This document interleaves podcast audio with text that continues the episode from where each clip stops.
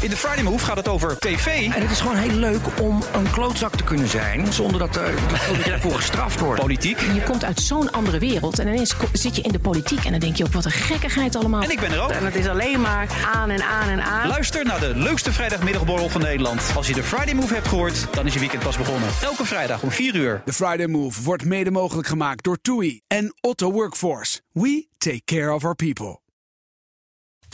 De column van Bernard Hammelburg. Toen Frankrijk in 2003 weigerde mee te doen aan de Amerikaanse oorlog tegen Irak, ontstond een spontane boycott tegen die arrogante Galliërs.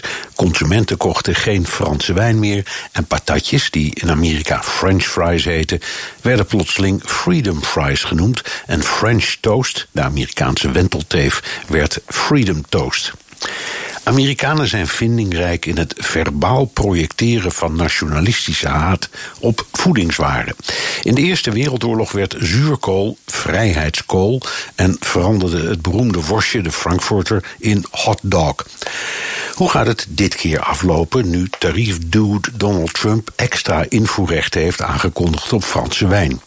Hij doet dat uit woede over de digitale servicebelasting die Frankrijk wil invoeren. President Macron wil dat multinationale techreuzen belasting gaan betalen over hun digitale diensten aan Franse klanten. Dat treft Chinese, Spaanse, Britse en Franse bedrijven, maar vooral het Amerikaanse Apple, Facebook, Amazon, Google en Microsoft. Wraak dus op Franse wijn. Amerikaanse wijn is trouwens beter, zegt Trump. Weliswaar is hij geheel onthouder, maar in zijn genialiteit kan hij het zien, zegt hij. Dat is apart, want als je bijvoorbeeld in Nederland bij grote winkelketens kijkt of bij de goede speciaalzaak, moet je Amerikaanse wijn met een vergrootglas zoeken. Franse wijn blijft onbetwist nummer 1 met prima concurrentie uit Argentinië, Chili, Zuid-Afrika, Nieuw-Zeeland, Australië, Italië, Spanje en Oostenrijk. De Amerikaans-Europese cijfers spreken boekdelen. De Amerikanen importeren voor 4 miljard euro aan Franse wijn en Europa maar voor 500 miljoen aan Amerikaanse wijn in Vino Veritas. Daar zit wel een gevoelig punt dat in het voordeel van Trump pleit.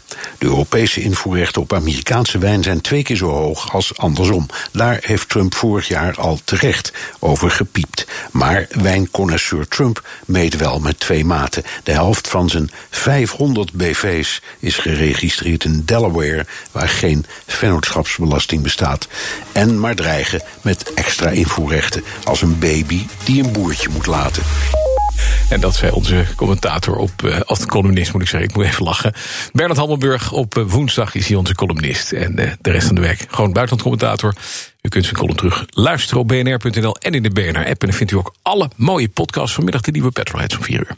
We zijn altijd maar onderweg. Altijd in voor een alternatieve route. En altijd zo snel en het liefst ook zo duurzaam mogelijk. BNR Mobility. Altijd op maandag om half twee. Met Meijner Schut. En natuurlijk altijd met Nout Broekhoff. Oh ja, en je kunt het ook altijd terugluisteren in je favoriete podcast-app. Abonneren maar. Altijd doen. BNR Mobility wordt mede mogelijk gemaakt door ALD Automotive en Leaseplan.